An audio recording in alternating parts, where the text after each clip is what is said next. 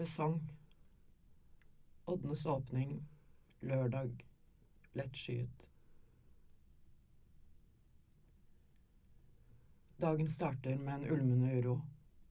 Odne kjenner den mest i magen, men også i svelget og svettekjertlene.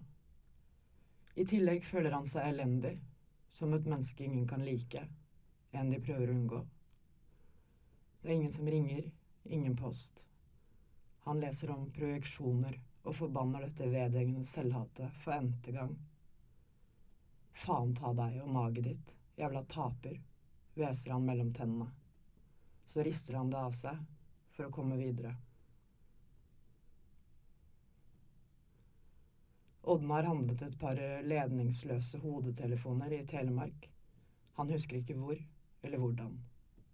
De sitter av seg selv på hodet hans og spiller Mozart. Akkurat nå syns han denne teknologien er like fascinerende som å ha én forteller til en hel film. Én stemme som endrer tonefall ut ifra hvilken karakter den spiller. Han bytter til Beethoven og noterer seg at selvhatet minker, selvhatet øker. Og med det ble klokka to, og takk for det.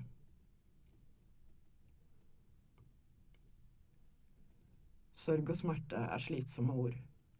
Når Ådne baler rundt i uvirksomheten, er ikke søndager en nødvendighet, heller ikke de øvrige helligdager. For når han har klart å gjennomføre en mandag, tirsdag, onsdag, beveget seg i takt og fått følelsen av å ha styring på det hele, så dukker det snart opp en hellig himmelfart. Slik blir han tilbakestilt og mister tonen. Helligdagen er annerledes, lufta er tynnere, og lydene forandret. De er intensivert og samtidig ikke lenger til stede. Han behøver ikke høytid, han trenger ikke helg. Bare én, to, tre og en kontrollert kontinuitet.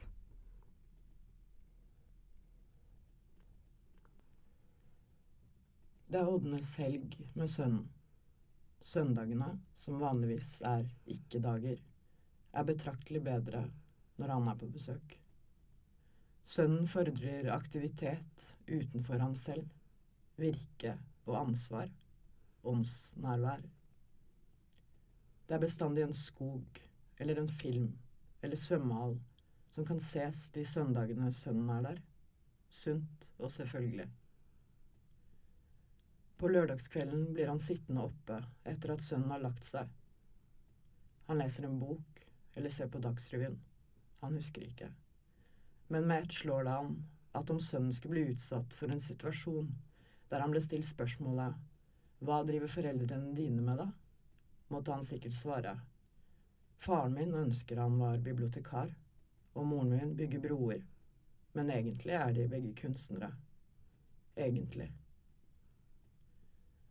Ellers ville han ikke svart på den måten overhodet, og muligens ville han sagt mamma og pappa eller fattern og mamsen. Han vet i grunnen ikke hva sønnen kaller han om dagen. Du, sier han når han spør om noe, og om moren sier han bare Britt.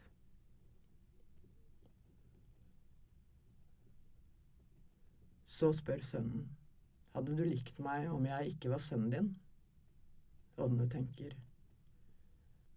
aldri i livet, du er altfor lik meg og da særskilt de dårlige sidene. Jeg hadde ikke orket å ha en voksen relasjon med en som meg. Jeg ville blitt sprø, og svarer, så klart, du er jo en fin fyr.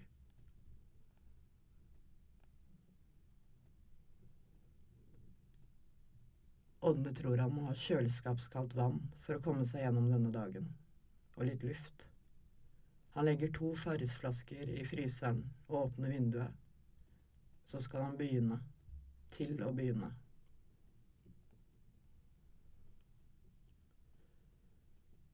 Hvor langt har Rodne kommet her i verden når han stadig spiser yoghurt med gaffel og kjenner seg tvunget til å se TV-serier i reprise fordi alle andre snakker varmt om dem? Den kvelden kom kameraten på besøk.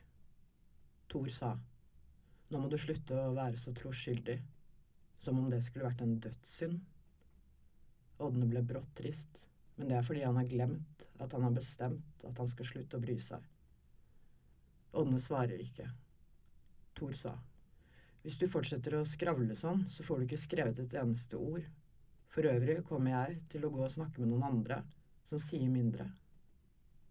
Vel, så ble han heller sittende for seg selv og skrive, i en kjeller og senere på et loft. Onsdagen etter planlegger Ådne å finne tid til Petter, en annen og annerledes kamerat enn Thor. Se litt i leksikon. Bestille bøker fra biblioteket. Levere utstyret han har lånt. Klippe i togfortellingen, den der han reiser frem og tilbake til Bø, bor på hotell og reiser frem og tilbake igjen. Oppdatere seg på Fårud-gruppens ditt, datt og diverse, samt kartlegge neste ukes planer. Prost skal være en av disse planene, siden det passer så godt med de nåværende tankene om tog, prost og sporet.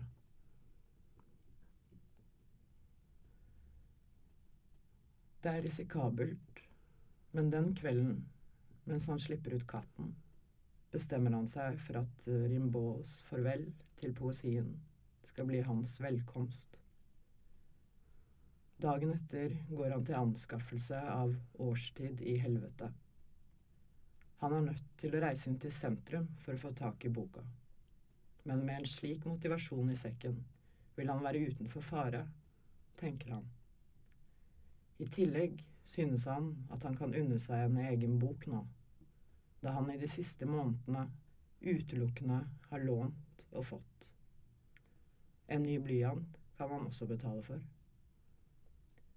Ådne har dessuten levd i de dager hvor han har skrapt mugg ut av maten for å kunne spise den. Jevnlig har han passert Fagerheimen tennisklubb og tenkt nok et sted som gjør det vanskelig for folk med vekselsentusiasme å venne seg til hverdagen.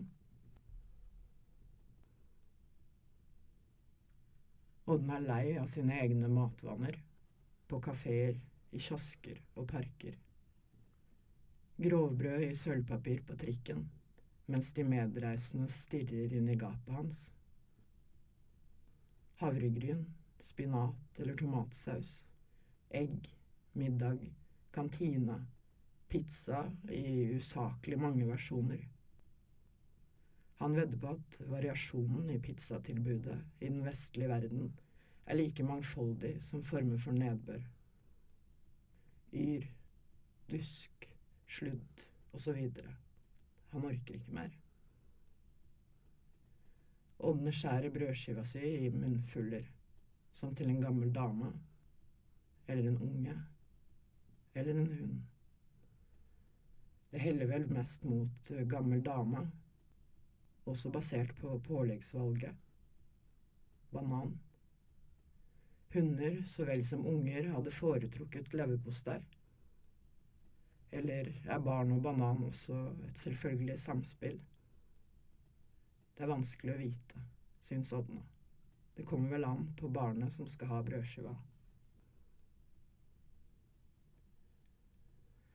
Hva ville Maslow sagt, og hva ville Jesus gjort? Ådne våkner kvart over fem, fylt av det etsende ordet dissonans. Tenker at dette må etterprøves som Bergmanns drømmer. Selv sover han som regel i et svart, kontekstløst hull. Desto viktigere blir da slike enkeltord som dukker opp ut av løse, svarte lufta. Klarer han å lage en drivende scene ut av det? Kan det være at han ikke har underbevissthet? Eller er det bare døra inn dit han mangler?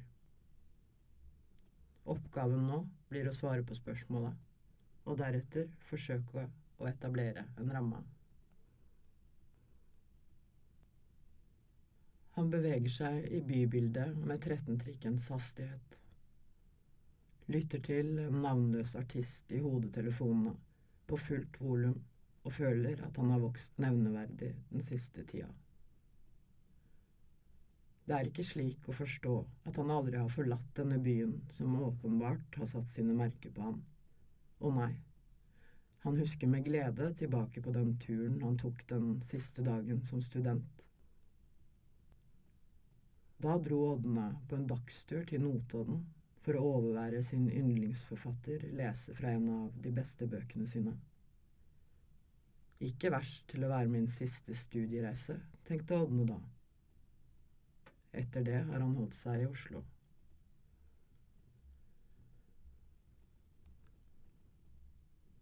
Ådne har med vilje presset bøker på sønnen.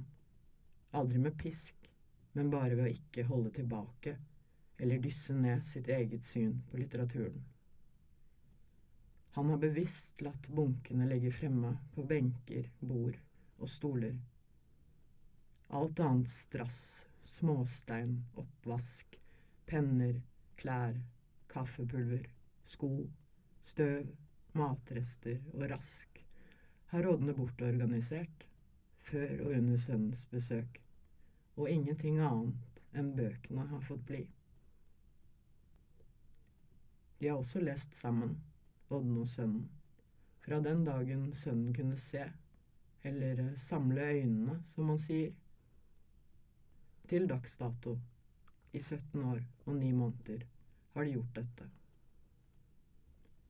Han har heller ikke lagt seg opp i hva sønnen leser, men han har mange gang fantasert om å rive den og den boka ut av hendene på ham og kaste dem bortover gulvet eller lure samtlige unna mens sønnen sover og late som ingenting dagen derpå.